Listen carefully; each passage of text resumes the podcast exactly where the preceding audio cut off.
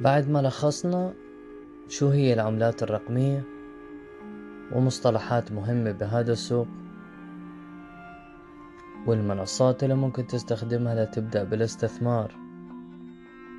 وأهم من هذا كله البيتكوين واللامركزية اللي فيه. راح أذكر تجربتي بالاستثمار مع ذكر العملات اللي دخلتها ومع التقسيمات اللي كانت محفظتي فيها.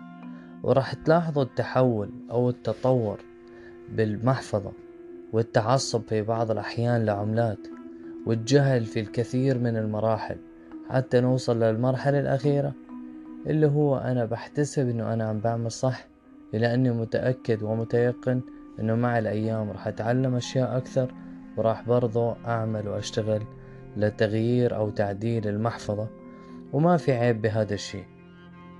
العيب إنه أنت تكون مصر على الخطأ أو مقتنع إنه أنت وصلت للبيك في المعرفة أو وصلت لأعلى درجات المعرفة وهذا اللي راح يأخرك لتعديل الطريق إذا كان خطأ أو للتطور في حال كنت ماشي صح.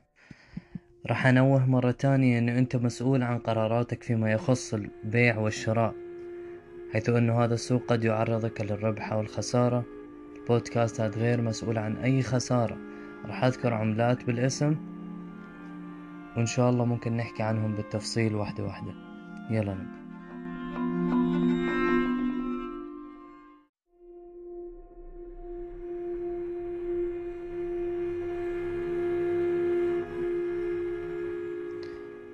أول مرحلة كانت عبارة عن استشارة من صديق عزيز. حطيت كل المبلغ اللي معي بعملة XRP عملة واحدة فقط لا غير كل العملات طلعت بآخر 2020 إلا XRP تأخرت شوي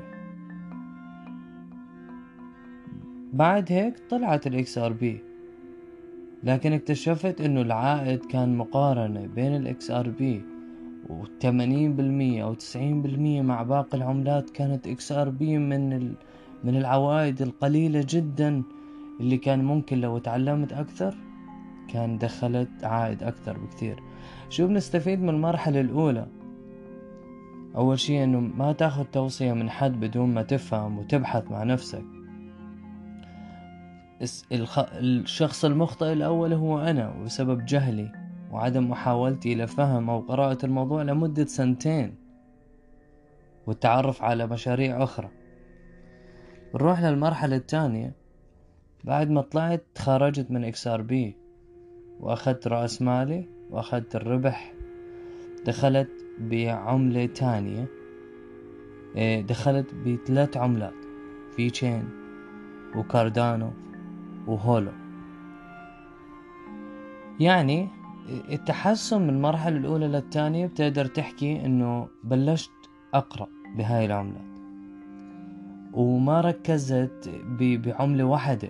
لأنه أنا ضد التركيز بالذات لما تكون أنت في مرحلة تعلم.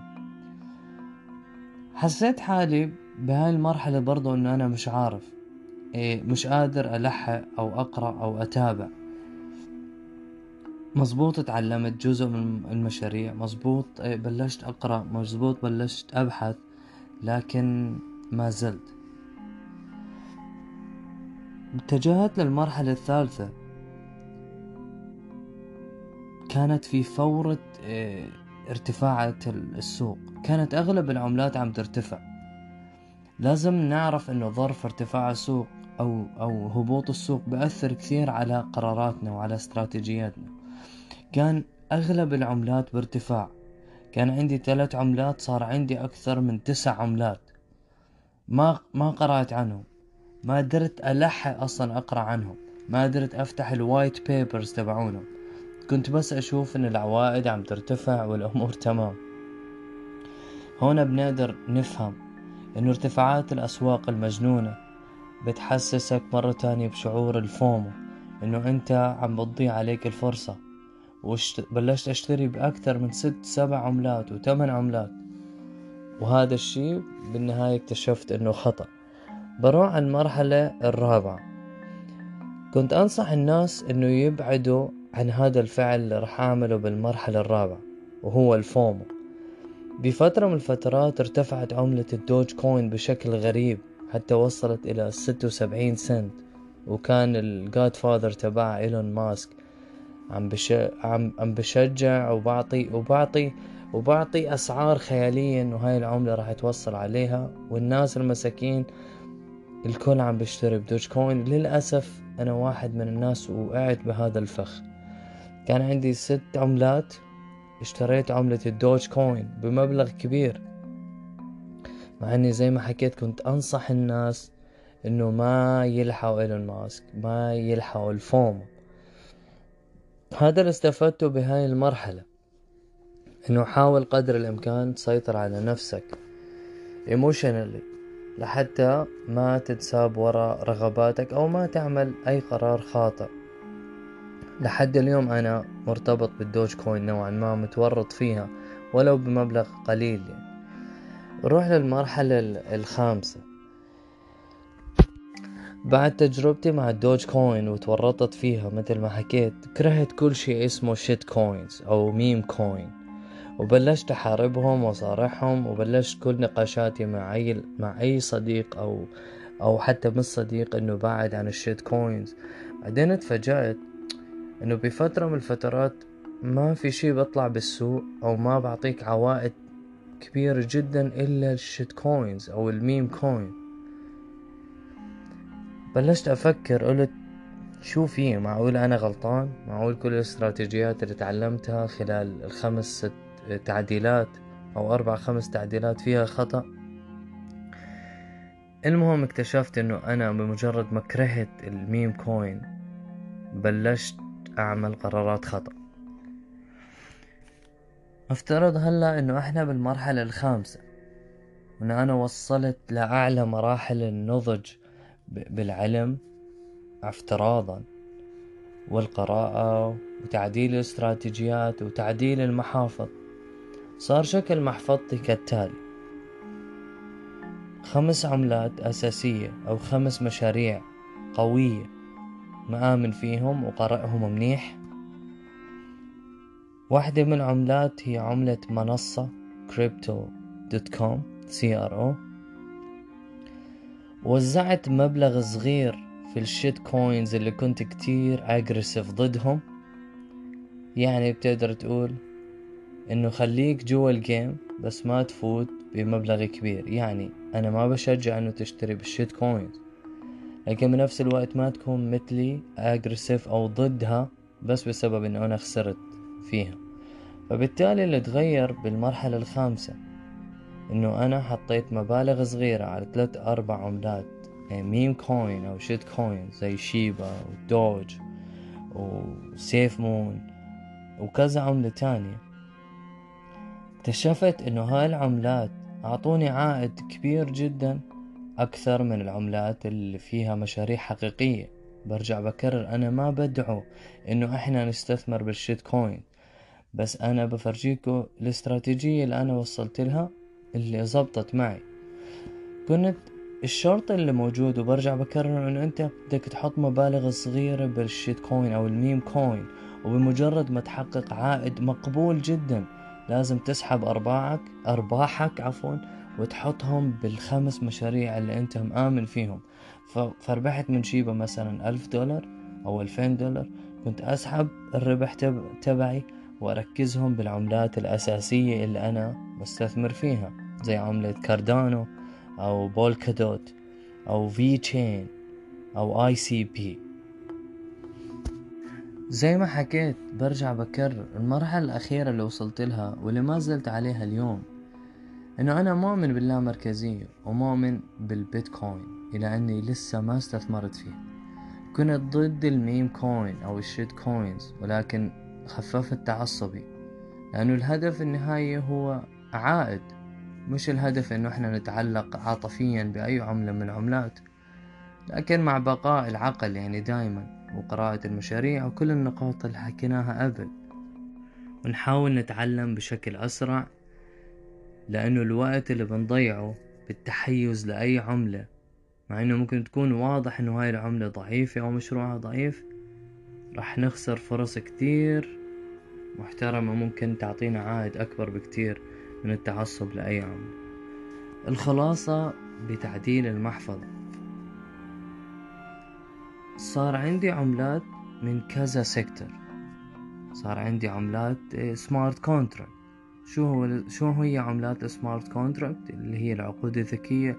عملات Ethereum Solana أو Polkadot أو Cardano فأنا اخترت عملتين من هذا من هذا ال sector واستثمرت فيهم. بعد ما قرأت ال white paper بعد ما قرأت شو عم بعمل هدول المشاريع. بعد ما شفت المنافسين تبعونهم وقررت إنه أنا أروح مع هاي العملات. إيه، دخلت ب meme coin بس بمبلغ مثل ما حكيت الشرط إنه يكون المبلغ جدا صغير وتسحب عوائدك أول بأول. دخلت ب sector ال metaverse بعملة واحدة. دخلت ب sector games عملة ال tokens تبعون الألعاب. دخلت بعملة سي ار أو كريبتو دوت كوم اللي هي عملات البلاتفورمات. زي ما أنتم شايفين المحفظة حافظت على التنوع فيها بعد ست أو سبع مراحل تغيير. ما ارتبطت عاطفيا بأي عملة. ما تحركت كثير بالفترة الأخيرة. ودخلت بالميم كوين اللي أنا مش مؤمن فيها بمبالغ صغيرة جدا وكنت على السريع أسحب العوائد وأروح على المشاريع اللي أنا آمن فيها. المشكلة إنه بسبب الجهل وبسبب بعض الأفكار أو المغالطات كنت أفكر حالي إنه أنا ماشي صح. إنه أنا اللي عم بعمله صح. في مغالطتين كتير كنت ما, ما انتبه إنه أنا عم بعملهم.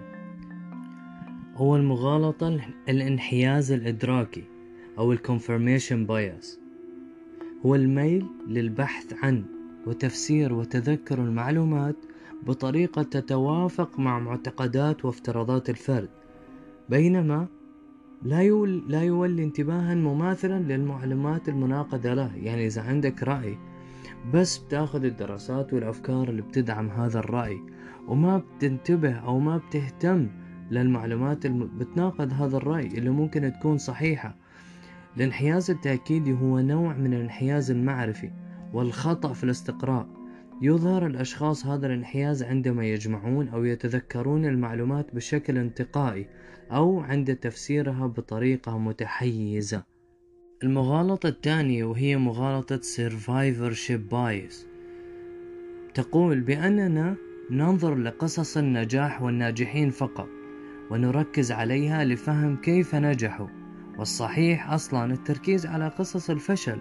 كثير من الناجحين لا يعرفون أصلا حقيقة لماذا نجحوا وفشل غيرهم بينما الفاشلين يعرفون بدقة أكبر لماذا فشلوا. مغالطة التحيز لقصص النجاح خدعة يقع فيها أغلب الناس وعليها دراسات وتجارب كثيرة. يعني مثال إذا شخص قال لك اشتري هاي أنا اشتريتها وربحت فأنت بتفكر إنه خلاص أنا زي ما هو ربح أنا راح أربح. زي ما حكيت بأول بودكاست إنه الاستثمار بالنسبة إلي هو موضوع معقد جدا. هو مش فقط شو أشتري وشو أدخل أو شو أبيع أو متى أبيع. الاستثمار هو موضوع يتعلق بالعلم النفس يتعلق بالاقتصاد والسياسة يتعلق حتى بالدين. يعني إذا أنت إلك رزق راح تاخده لو كنت شغال غلط.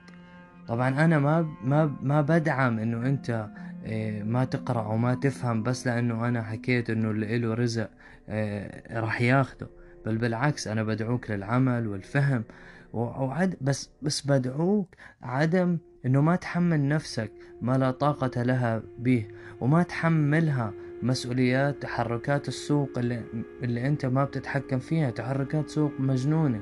فيها حيتان بيملكوا مليارات الدولارات بكبسة زر ممكن يعلوا السوق ويوطوه. وبنفس الوقت ممكن تكون انت عامل كل شي صح وبحثت وقرأت وتوكلت على ربنا على افتراض أصلا وجود الصح بالاستثمار أو وجود ال ال ال الأشياء الصحيحة مية مية بالمية بالاستثمار. وربنا ما كتب لك إنه تربح.